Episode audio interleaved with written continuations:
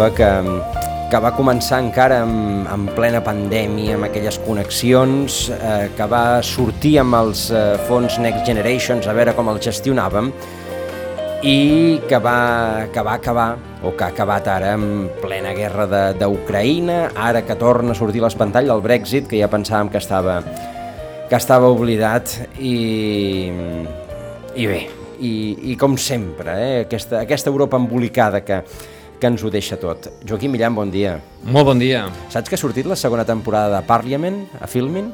Sí o no? Carai. Bueno, nosaltres portem més temporades, els guanyem, nosaltres, eh? Sí, sí, sí, sí, però bueno, però és una sèrie, és una sèrie que explica les, les desventures d'un assistent d'un parlamentari al Parlament Europeu. Allò que se'n diu el back office, no? Ah, exacte, i que són capítols molt curtets i que, bé, els recomanem. Si els, si els interessa aquest espai, els recomanem perquè també els interessarà bueno, és, És interessant, és interessant, perquè a més a més també segurament sortiran coses que posen sobre la taula debats eh, de comportaments, debats de com funciona una institució, com pot ser un Parlament, aquest és un Parlament Europeu, que ja podem imaginar que és molt més complexa que qualsevol altra, i també poder a vegades aquella part no tan glamurosa, no?, que també existeixen amb les grans institucions i organitzacions, que a vegades no se'n parla, però bueno, que, que, que, que coses passen, no?, que coses passen, no?, mm -hmm. pues també està bé doncs, eh, aquesta recomanació inicial en una... Eh, anava a dir, en, en un moment en què doncs, tenim molts debats oberts i, i entre ells avui resulta que, i ens ho posa avui la portada de La Vanguardia, eh, en Johnson ens en vol obrir un altre, que ja teníem tancat. Bueno, de fet, jo el que veig és això, no? de que de, eh, quan ara Europa també comença a ser allò que dius, eh, tema de eh, tema de debat quan resulta de que en un moment donat has de posar alguna cosa sobre la taula, per tant, tema de, també polèmic, eh? vull dir, és un tema especialment eh, a l'àmbit britànic, és un tema encara amb certa polèmica després de, de ja més de dos anys de, de, del que ha sigut l'execució del Brexit i més de sis des d'aquell eh, referèndum que es va guanyar per 52-48, Um, I per tant vol dir que mm, també veient una mica uh, els, últims, els últims affairs Johnson, que en diem així, pues ara que ell tregui aquest tema també, bueno, també veiem una mica l'oportunitat d'alguna eh, manera el, el, el debat britànic en aquests moments l'apuntava molt amb ell apuntar cap a, cap, a, cap a Europa que també és un recurs no? la èpica cus, eh, cortina de fum sí, sí, que s'ha sí, utilitzat sí. sempre millor utilitzar-la així que, fe, que, que, convocar, que provocar una guerra oi? Bueno, que també ha estat una altra cortina de fum històrica evidentment, no? I evidentment, bueno, i quan hi, ha, i quan hi ha eleccions també ja sabem que hi ha uns temes recurrents ara hem vist també com ha començat la, la campanya a Andalusia on, on eh, també eh, sembla que l'epicentre de cert part del, del debat sigui Catalunya, no? una altra vegada. Vull dir, doncs, bueno, en Johnson utilitza la Unió Europea per despistar una mica eh, eh, el personal. Bueno, dit així de manera col·loquial. Doncs tenim en línia un dels nostres eh, col·laboradors habituals d'aquest espai. Oriol Lázaro, bon dia. Bon dia a tothom. Es, escolta, d'entrada, eh, et faig la mateixa pregunta que abans amb el, amb el Quim, que és, eh, tu has vist Parliament? La, la sèrie no. Sí. Ah, llàstima. No, perquè... he, tingut, no he tingut ocasió. N'he vist Ostres, altres, no. és que vas ser, tu vas ser assessor de parlamentari, per tant, diguem que el perfil és, és exactament aquest el que surt a la sèrie. Sí, sí, ho sé, ho sé, i me n'han parlat, eh? Però uh -huh. bé, quan tingui ocasió la miraré. Doncs mira la... que el, el dia a dia tampoc ens deixa molts d'espai a vegades per doncs, mirar tantes uh, sèries. Recu uh, recomanació, més que, més que res, perquè ara acaba també de sortir, com li comentava en Joaquim, la, la segona temporada. Escolta, uh, abans, abans d'entrar en, en altres, altres qüestions més, més properes, m'he quedat amb, amb aquesta portada que avui ens deixa, ens deixa l'avantguàrdia, i és el que estava ara mateix comentant en, en Joaquim, eh, aquest, eh, doncs, eh, aquest presumpte intent de Boris Johnson de desviar l'atenció dels seus problemes cap a la Unió Europea. Sí, bé, com estàveu dient, eh, cortina de fum, desviar atenció, sempre, sempre són motius... Eh, si parlar de la Unió Europea és com molt grandiloquent, uh -huh. i, i això eh, s'atura, diguem, la, els mitjans de comunicació i, i aparta aquelles, eh, aquelles coses polèmiques com poden ser la, el vot que va tenir, que, que va guanyar per poc eh, l'altre dia en Boris Johnson. Però, per altra banda, eh, que, es, que es parli de tu encara que sigui malament, diuen que sempre és bo. No? Doncs eh, eh, això formaria part d'aquest lema.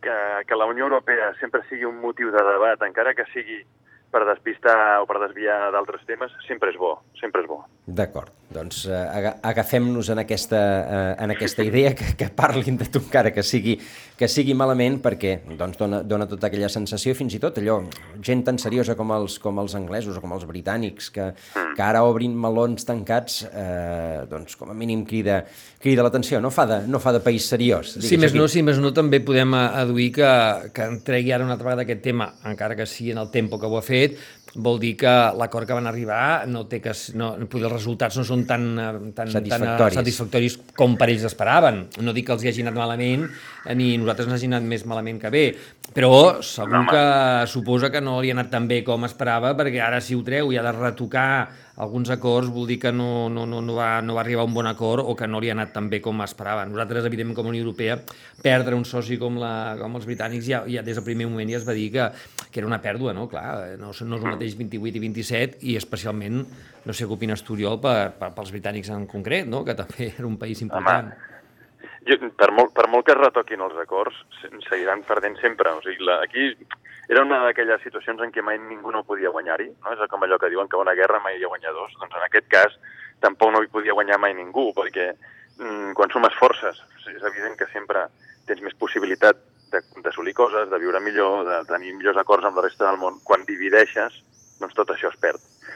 Que ara eh, reprengui aquest, aquest eh, debat, a banda de ser aquesta cortina de fum, jo crec que, a més a més, també és eh, adonar-se'n, com diu el Quim, de que el tracte, va, ja va ser el, el tracte de Roberto i les cabres, eh, que, que hi va perdre, però, a més a més, crec que baladament, baladament es pot arribar a veure que hi ha un penediment de la, de, de, del Brexit.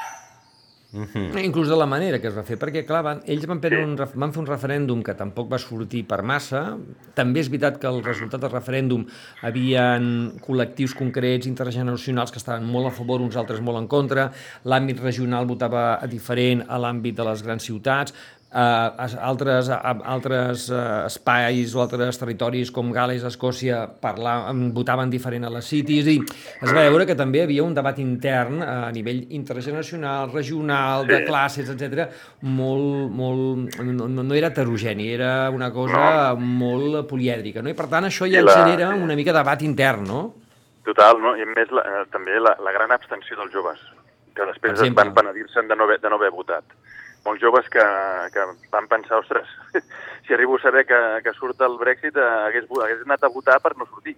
I, i van empenedir-se'n d'aquesta abstenció que va ser molt elevada. O sigui, en un tema tan, tan important, tan clau pel futur de la seva nació no van anar a votar, i, eh, bueno, doncs després van trobar-se amb el que es van trobar. I un altre punt també important va ser que eh, els britànics no estaven preparats per negociar. Eh, la Unió Europea té un equip de negociadors constant perquè s'està negociant sempre els tractats eh, comercials bilaterals amb altres països. En canvi, eh, els britànics no tenien cap equip de negociadors ni formats ni preparats. I, i aquí va ser, jo crec que també un taló d'Aquiles per ells. I la Unió Europea al moment ja tenia diverses propostes sobre la taula.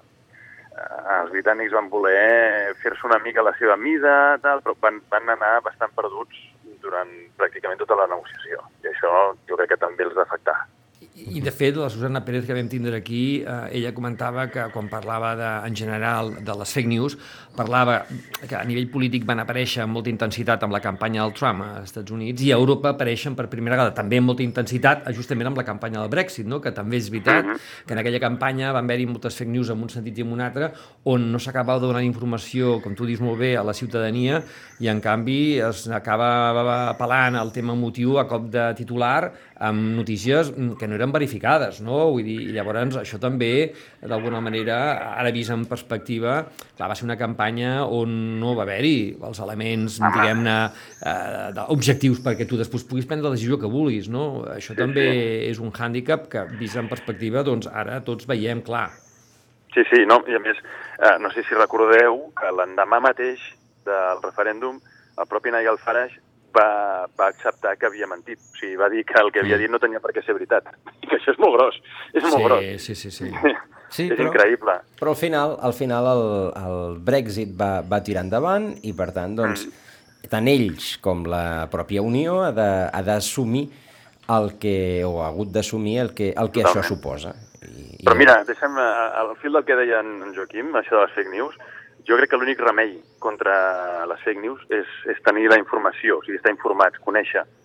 I si la població britànica hagués estat més informada o hagués tingut un seguiment més, més acurat o més a sobre de, del de dia a dia europeu i de realment com l'afectava o no estar dins de la Unió Europea, potser les fake news no haguessin tingut l'efecte que van tenir. Uh -huh. Per tant, és important, jo crec que és molt important programes com el vostre, per exemple, que posen a, a, a casa dels, dels ciutadans a Europa i es parlen de temes europeus i es dona informació diària o, bueno, tan, tan, tan, tan diària com es pot, doncs eh, crec que són molt importants, us felicito per la iniciativa i, i a més eh, el que m'agradaria és eh, fer que la gent, eh, provocar que la gent tingui ganes d'estar de, cada cop més informats. Uh -huh. bueno, I de fet amb els britànics a mi em sorprèn perquè eh, sempre han estat uns constructors, bueno, van ser dels primers països que van entrar, vull dir, bé, van ser sis al principi i, i, i la primera ampliació són amb tres i un d'aquests són els propis britànics i, i sempre han estat uns constructors de la, de la Unió Europea, malgrat moltes vegades han estat honestos amb coses que deien això no, però sempre han sigut un gent que, que inclús quan han acceptat una norma europea han sigut d'aquests estats que la aplicaven al 100%, que hi ha gent que diu sí, sí, la norma i després només estan que rebent sancions al tribunal i de, de la pròpia institucions europees perquè no ho apliquen o no ho apliquen bé. E inclús m'he donat, ens en recordeu, la Margaret Thatcher tenia una idea d'Europa, no, jo no diria oposada, però no en la línia d'aquell moment del, del, del, del, del Kohl, de González del Mitterrand, però en canvi es podia debatre, es podia parlar, etc etc perquè eren uns constructors d'aquesta Europa, una mica allò del titular aquesta, som l'Europa que fem.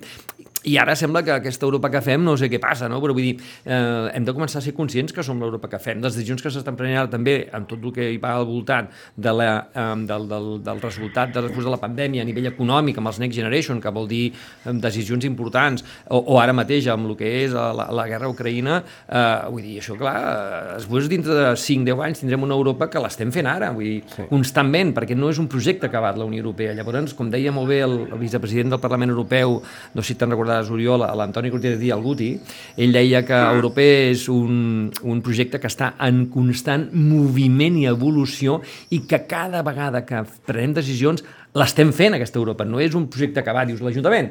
Bueno, ha el que hi ha, llavors puc entrar, faig o, o no faig, però és un, l'Ajuntament té unes normes que són les que són, una institució...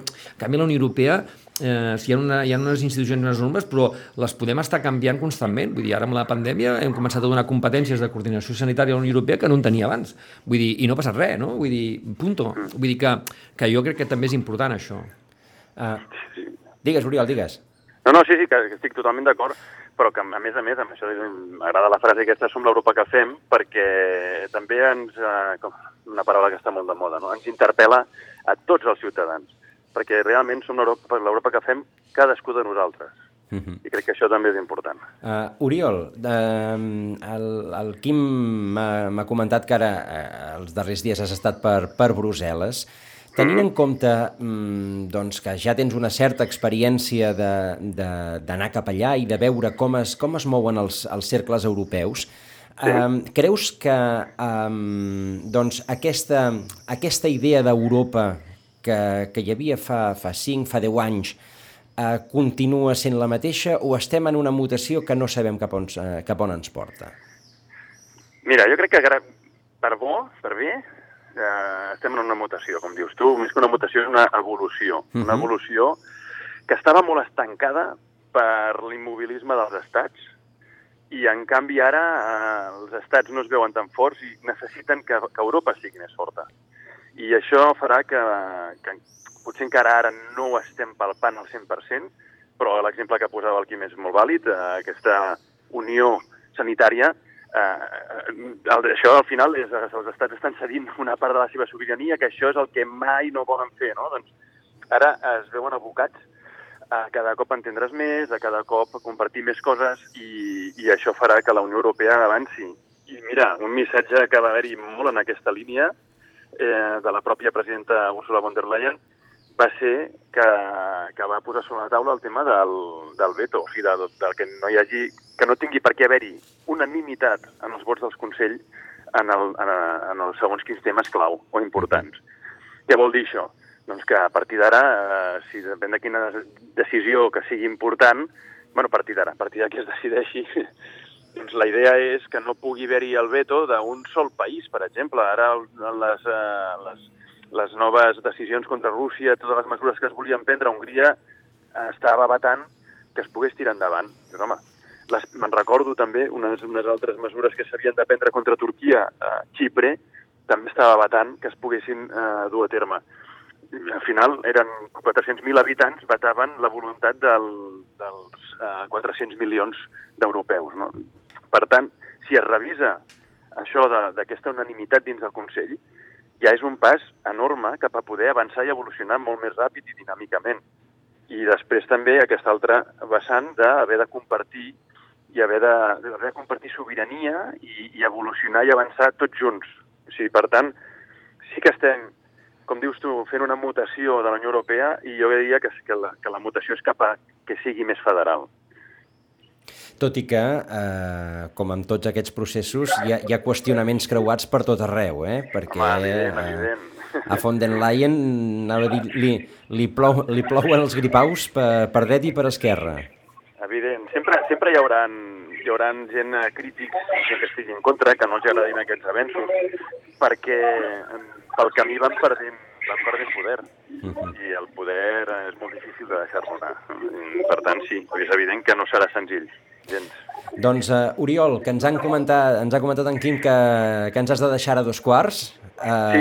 T'agraïm molt aquesta, aquesta estoneta i, i també doncs, la teva presència en altres, en altres espais en aquesta temporada i esperem retrobar-te en noves hores d'Europa passat l'estiu. Molt bé, és un plaer sempre poder participar en el vostre programa. Una forta abraçada, Oriol. Igualment, merci. Adéu. Adéu. I, Joaquim, tenim una altra convidada, tenim, tenim a la Mònica una Plana. Convidada, que a més la tenim a Brussel·les en aquests moments també, que és la Mònica Plana, professora de l'UDG, eh, experta en l'àmbit eh, europeu, a més directora de la consultora E-Link, que es dedica justament a la recerca de projectes i de finançament també, no? però de projectes per l'àmbit més de, territorial, social i, i, i proper a, a la ciutadania i que, bueno, que podem també tindre una bona conversa amb ella, ja que la tenim allà, aviam quin ambient es respira, no? Doncs eh, saludem a Mònica Plana. Mònica Plana, bon dia. Hola, bon dia. Uh, M'escolteu bé? T'escoltem perfectament. I mira, com estàs a Brussel·les, la primera pregunta de ser quin temps fa? Fa calor allà o què? Perquè... Pensava, és que ja volia entrar a comentar-vos... Uh, plou. Plou! Com plou! No? Plou, Oi, com f... no? Que novetat, eh? sí, anava a dir, la pluja i els musclos amb patates fregides són dos clàssics de Brussel·les. Puta, la novetat és que no, que no, estigués, que no estigués plovent. Plou! Plou a Brussel·les. No, no. Bueno. Ahir, ahir, la, ahir al vespre feia un vespre fantàstic mm. i aquest matí mm, només sortir ja pluja. Bueno, doncs... Poquet, eh, eh? Clima, clima nòrdic que també doncs, eh, atempera el caràcter, oi? Per, eh, per això, per, per comentar aquests, eh, aquests temes europeus, si, si et sembla, Mònica, podríem a, a agafar el fil a partir del que estàvem comentant amb, amb l'Oriol fins, eh, fins ara. Amb l'Oriol, bàsicament, eh, ara, ara el que estàvem comentant és que eh, doncs, la, la Unió Europea, que està en un, en un continu procés, procés de mutació, probablement aquest procés s'ha accelerat a partir ara de la, de la sortida de la pandèmia, de la crisi russa-ucraïnesa, de, de la necessitat d'això, de, de, de, de les ampliacions, és a dir, que, que, que, que té, tants, té tantes carpetes obertes la Unió que, que si no canvia doncs es pot, eh, li pot passar alguna cosa. És, eh, eh, a dir, a Brussel·les es respira això de que de que sembla que res sigui per sempre?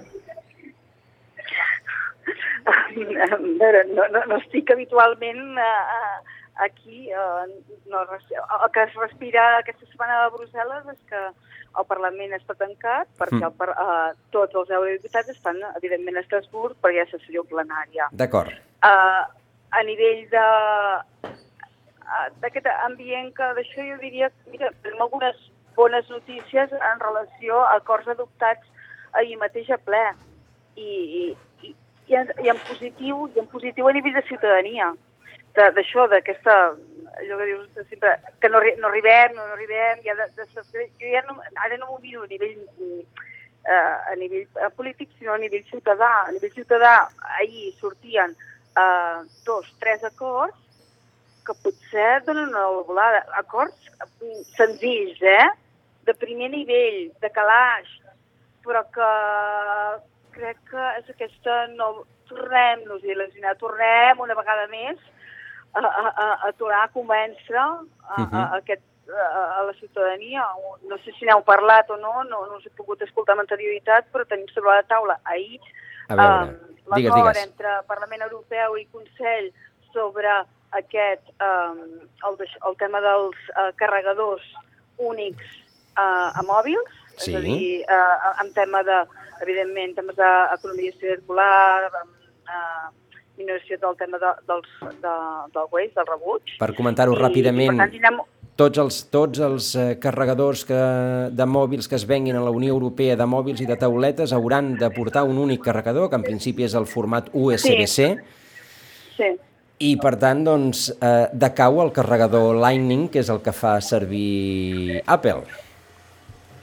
Sí senyor.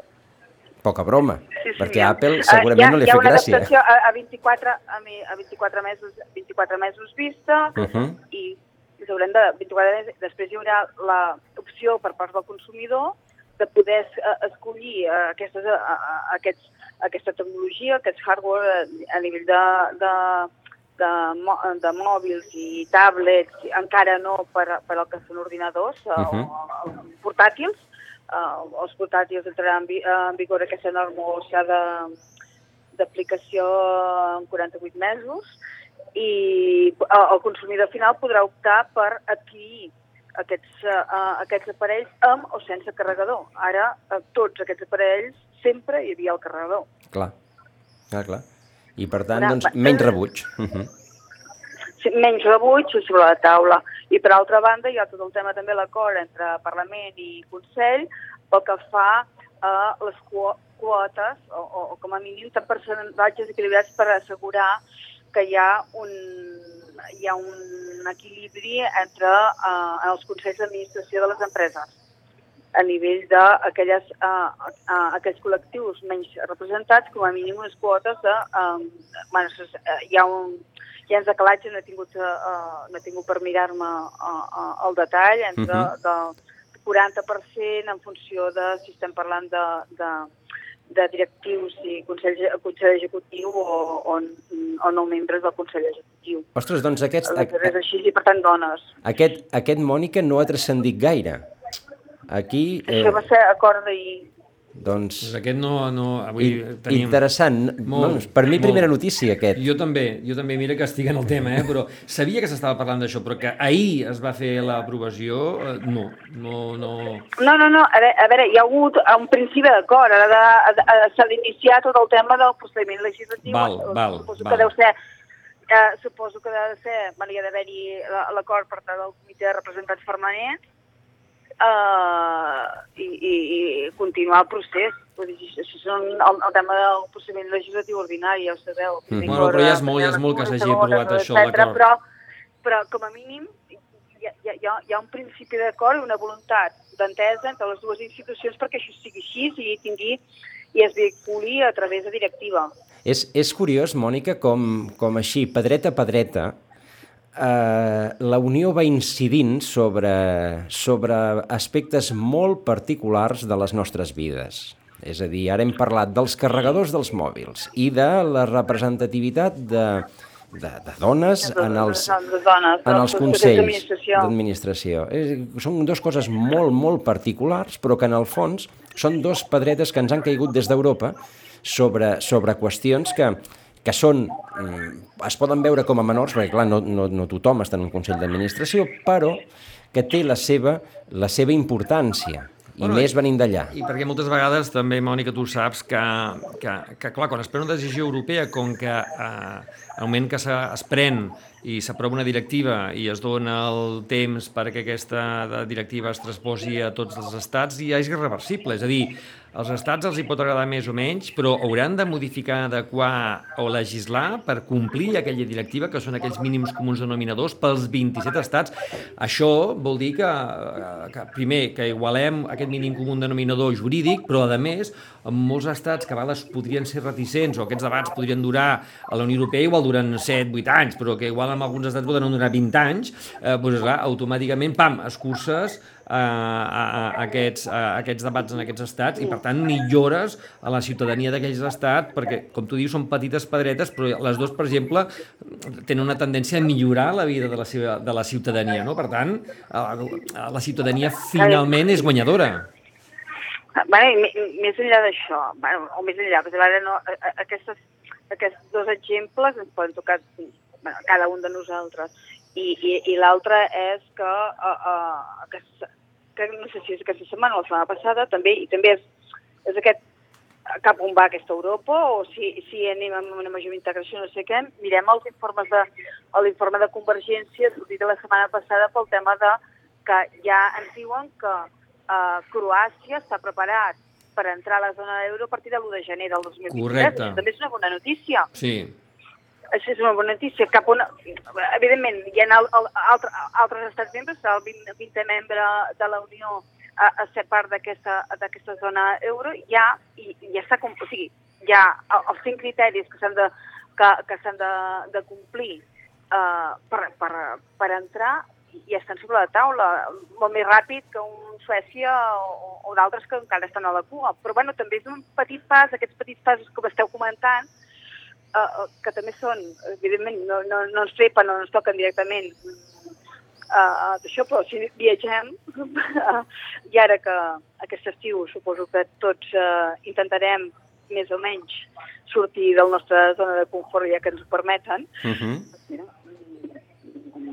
Croàcia serà un, un bon lloc on les... anar de cara al 2023 o amb una moneda única. Du Dubrovnik és una ciutat fa, i magnífica i les seves platges de Croàcia són fantàstiques, vull dir que, que vull dir que també és una destinació turística interessant i com tu deies, és el 20è, eh, el 20è, eh? Vull dir, també en una època que poder, a vegades podem tindre de certs dubtes eh, de, de, de, de la Unió Europea, amb tots aquests titulars que a vegades ens, queden, ens quedem una mica uau, no?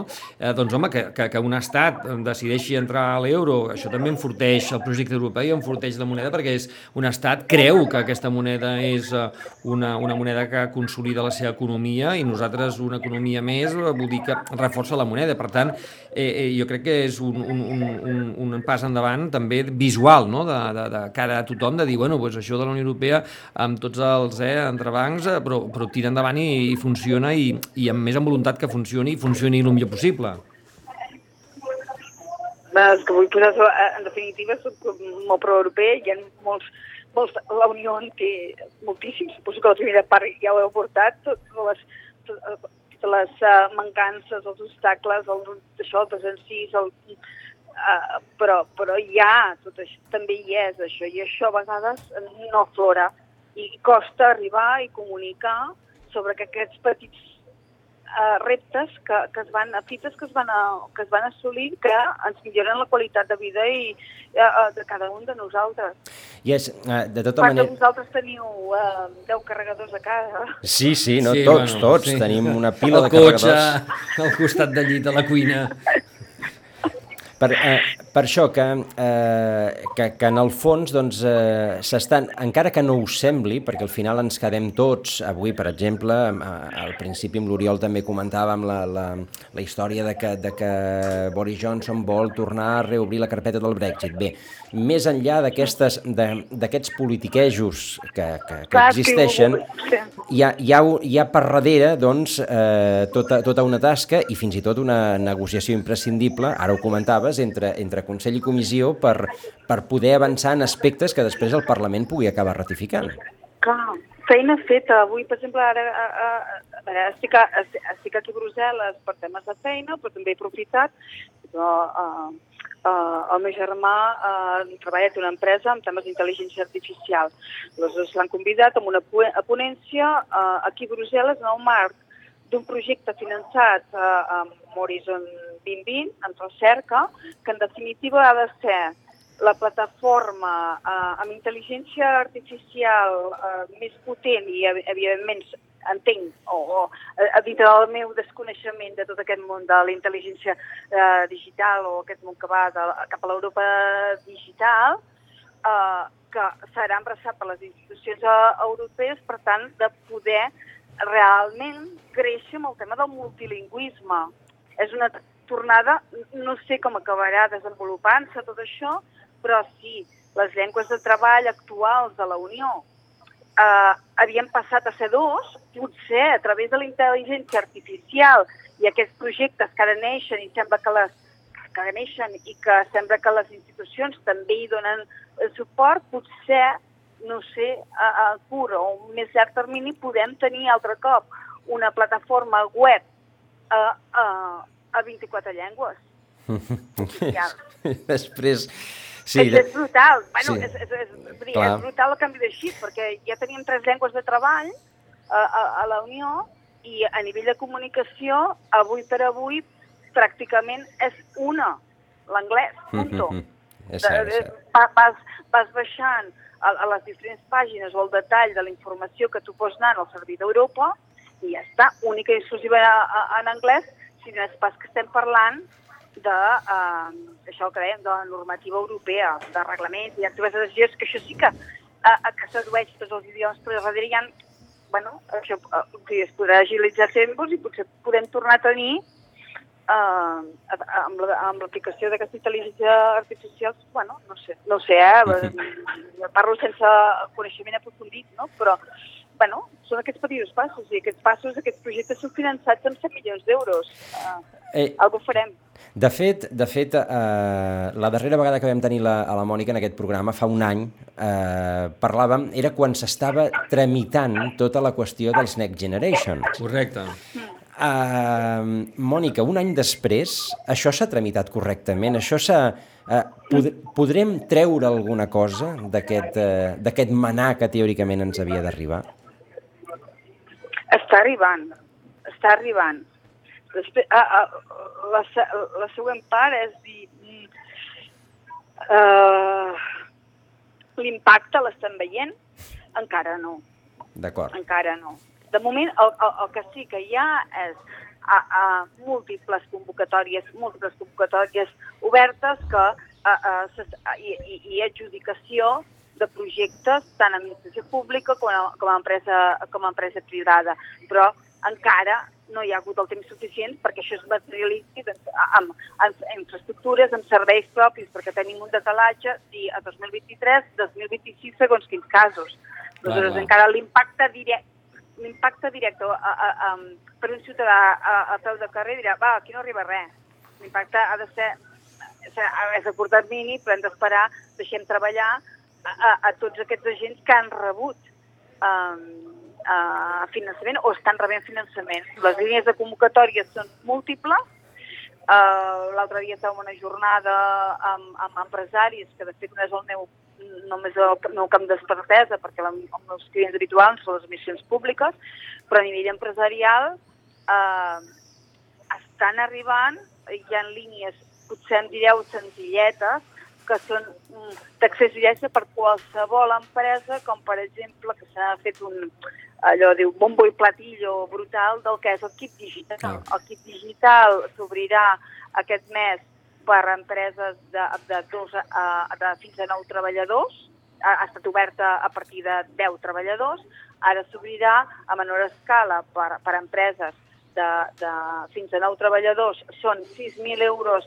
a, a fons perdut per la digitalització de la teva empresa, estem parlant de uh, software, no hardware, per tant, en temes tant de dinamització de xarxes com pàgines web, ciberseguretat, de comercialitat, uh -huh. sí, etc.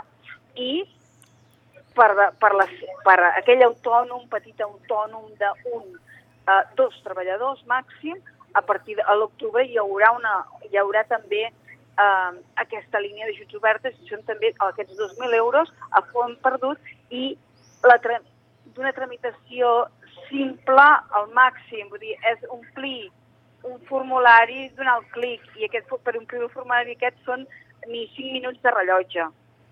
Per tant, va, a poc a poc es va teixint eh, allò, a poc a poc. És, és a dir que eh, la idea de tota manera seria evitar doncs, el, el malbaratament que s'ha fet en el passat amb, amb altres convocatòries de, de fons europeus que, que al final doncs, es, es, donaven, es donaven diners gairebé per, perquè s'havien de donar i, i després doncs, hi havia els aprofitats que, que sabien llegir la lletra petita i, i sabien agafar-ho. Aquí, aquí diguem que, que la Unió anirà amb més prevenció, no? O no?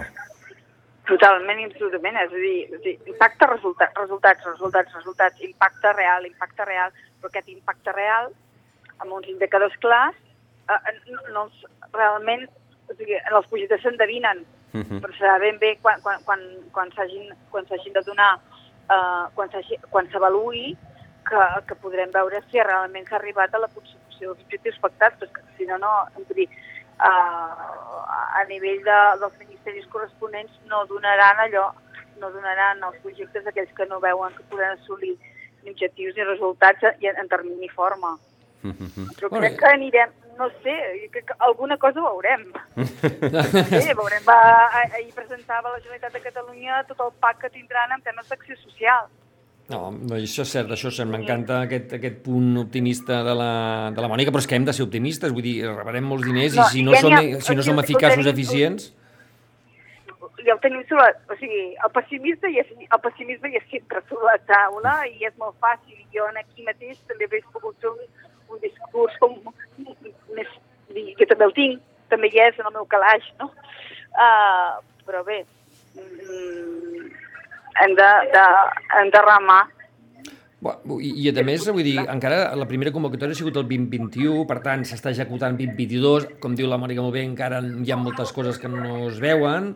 Eh, el 2022, que és ara, és el segon any de convocatòria, que això es veurà el 2023, el 2023 serà el darrer any de convocatòria dels Next Generation, però com també ella apuntava, alguns d'ells donen, donen espai per executar, perquè hi ha projectes grans, on no estem parlant ni de 6.000 ni de 12.000, estem parlant de milions d'euros, on la seva execució poden ser 2, 3, 4 anys i per tant fins al 2026 es pot executar eh, aquest, aquest, aquest PAC. No? Llavors veurem també el nivell d'assoliment dels compromisos que havia la Unió Europea amb, en el cas espanyol, d'un topall que havien de tot un seguit de diners que tenien que arribar en fons negoci, si hem sigut capaços nosaltres de, de presentar projectes suficientment competitius per captar aquests fons, perquè això també és el que deia la Mònica, vull dir, hem de ser capaços de presentar projectes competitius per captar aquests fons, i després si som eficaços i eficients Clar. amb la seva execució, que aquest és l'altre, no? Vull dir...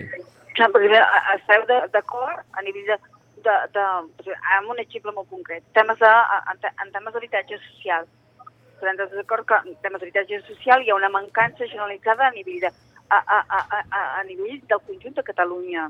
Aleshores, hi ha, i, i des de l'Agència Catalana d'Habitatge, tenen marcat ja la zona a, a, a, a, que necessiten, que hi ha una demanda més creixent d'aquest tipus d'habitatge, no? Ningú ha de quedar enrere, aquell ningú ha de quedar enrere, doncs, bueno, posem i fem, doncs, a, a, a, marcades les bases per, per, pel Ministeri corresponent, eh, la Generalitat ha tret les convocatòries per augmentar el parc d'habitatge públic. Aquest parc d'habitatge públic, què ens canviarà això? A 2026 hem de tenir, em direu, és poc, és molt, no ho sé, 3.600, com a mínim 3.600 habitatges eh, socials més a Catalunya dels que teníem avui. Això, això ja és un, un, és un canvi. Uh, en canvi, ostres, això quasi uh, quan ve ser per la província de Girona o per, per, per, per un... Ostres, és, bueno, és, més, és més el que tenim avui.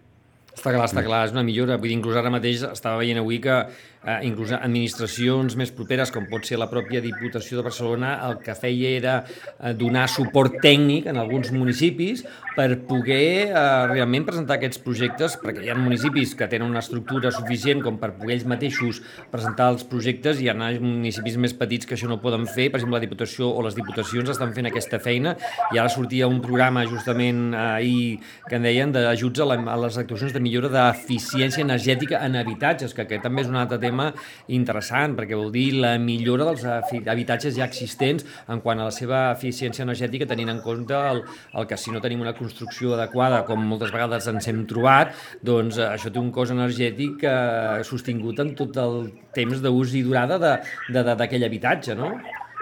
Sí. Per particulars, per comunitats de propietaris, això, mm. no, que tancament, allò, eficiència energètica, què vol dir?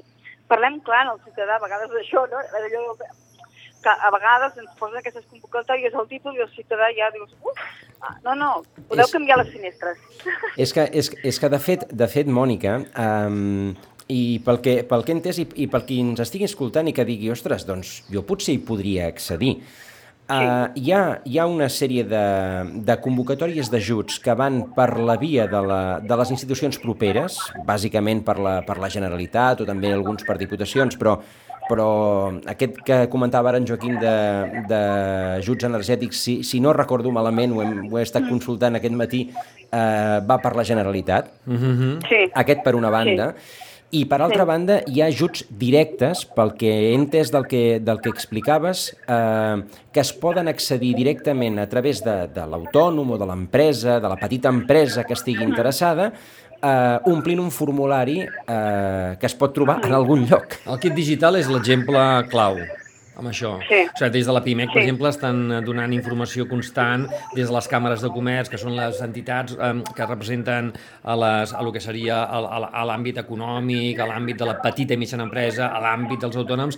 Eh, jo he fet el seguiment i en el cas de les càmeres de comerç és evident i en el cas de la PIMEC està fent una, bueno, una extraordinària feina de, de, de, de, de, de xerrades, de- d'assessorament en el territori, a diversos, a diversos àmbits, de, en el cas català, és, és evident, d'explicar-ho de, de, això, no? i fer-ho fàcil, com deia la Mònica, fer-ho fàcil. A vegades, com que sempre ha estat tan complicat, dius, bueno, aquí on està el secret, que ara és tan fàcil, no m'ho crec, no? Un, formulari tu creus, i resulta que sí, que quan, entres te'n dones compte que sí, no? Que, que, bueno, pues que, que, que resulta que no és tan, tan difícil, no?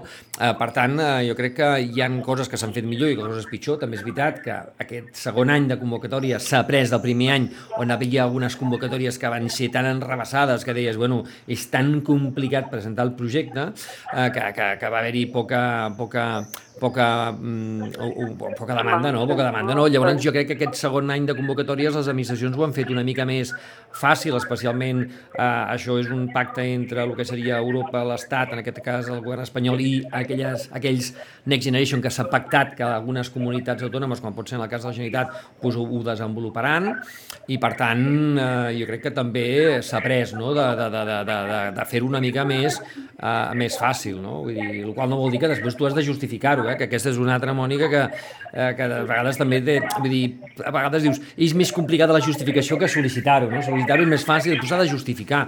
Bueno, però això també és, és evident, estem parlant de diners públics. El, el, el, el kit digital, la, la tramitació posterior, tot és, és, és, és, és emissió de factura per part dels proveïdors acreditats, eh, emeten la factura i, i són els proveïdors acreditats per, per poder portar a terme tots els serveis que es poden contractar a nivell d'equip digi digital que eh, és, eh, l'Estat eh, els ingressarà les factures corresponents. És que a, nivell de particular, jo crec que és dels, dels ah, bueno, autònom o empresari d'aquests de, de petites empreses, de les coses senzilles de dir, bé, ai, per què no ho he fet? Ai, va, no he perdut res.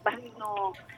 Sí. I, el, I el tema d'arribar, aquest, eh, jo crec que aquest eh, ha arribat, com a mínim el, el, el, el que era de equip digital per a empreses de més de, de, de 10 de 10 treballadors ha arribat bé i a, a, a, tota, vull dir, ha arribat a tots els racons de, de tot l'estat, eh? Bastant. I crec que passarà més el mateix a, a les altres dues convocatòries. En aquest cas s'ha sabut comunicar cor correctament. Uh, no parlo de la resta de temes que aquests mateixos d'eficiència energètica, etc. Uh, crec que hi ha d'haver-hi un doble esforç sobre esforç a nivell de comunicació a tots nivells, no només quedar-nos a nivell de Generalitat o Estat, uh, etc., sinó que uh, les administracions més properes, a, a, a nivell local, a nivell de consells comarcals, també haurien de tenir uh, persones identificades clau que puguin assessorar els veïns i veïnes del seu territori més pròxim perquè sumin. Perquè, perquè aquí, aquí, com amb tot, la, la, el més important és la informació, que la informació pugui arribar als, als possibles o als sí. potencials mm. interessants. Sí. Per això, que, per, això, per tant, tampoc, o sigui, des de, des d'aquelles des d'aquelles administracions que donen bueno, que han de, estan al servei del ciutadà, vull dir que tampoc es poden desentendre d'aquestes convocatòries que, que, que en surten a nivell ministerial o a nivell de Generalitat a, a, a de Generalitat perquè ostres, els hem d'acabar de conduir i hem, uh -huh. som tots que sumem. Bueno, i molts... I, i, són, són comportaments estancs uns o l'altre, tots volem la millora de la qualitat de vida de cada un de nosaltres. Doncs, No, i hem que, d'afavorir malgrat que no ens vingui des de casa, no siguem nosaltres mateixos que impulsem la iniciativa. I no, i més moltes vegades eh, des d'administracions o, en aquest cas entitats més properes a la ciutadania, per exemple, jo, el cas de la, de la, la taula del tercer sector, amb tot el que són Next Generation amb accent social, ells fan una, una campanya d'informació, encara que no siguin ells els que vagin a gestionar-ho, etc, però estan donant un servei als seus associats de dir, escolta'm, sapigueu que hi ha això i s'ha de demanar aquí, aquí, aquí. Ho estan fent a la PIMEC, en el cas dels uh, petits i mitjans i molts ajuntaments estan donant aquesta informació, encara que no siguin ells els que van a gestionar-ho, perquè no sembla que només jo gestiono el meu, però bueno, tu tens un dret, tu tens un, tu tens, tens un deure d'informar a la teva ciutadania de que, per exemple, en el cas del kit digital, hi ha molts ajuntaments que estan donant aquesta informació en els seus empresaris, seus autònoms, etc, els seus emprenedors, que sàpien que, que existeix això, perquè el que volen és que en el seu municipi el màxim gent possible pugui adquirir aquests, aquests, aquests, um, aquests ajuts i això pujar la competitivitat del seu territori i del seu municipi. Doncs eh, el, el que bàsicament mm, no hem parlat de la jornada de, la, de Calonja. No, no, no. no. Ai! Ai, Val. ai. A veure, a veure, No. ja és l'últim programa avui abans de l'estiu? Sí, Sí, sí, sí. per això, per això, vinga, va. De, de, de, Mònica, dos minuts, explica'ns, uh, som l'Europa que fem, que és el titular d'aquest any, um, per què és interessant a la jornada de Calonja? perquè ens trobem, aquests, a, a, aquests els europe, europeistes convençuts ens trobem amb una jornada fresca i, i que en definitiva vol ser un referent de futur a nivell de, de fins i tot català. Hem començat a poquet a poquet, van començar l'any passat, aquesta és la segona uh, edició. Uh, l'any passat es va fer allò, tanques i barranques, intentant ben bé entre, entre mi.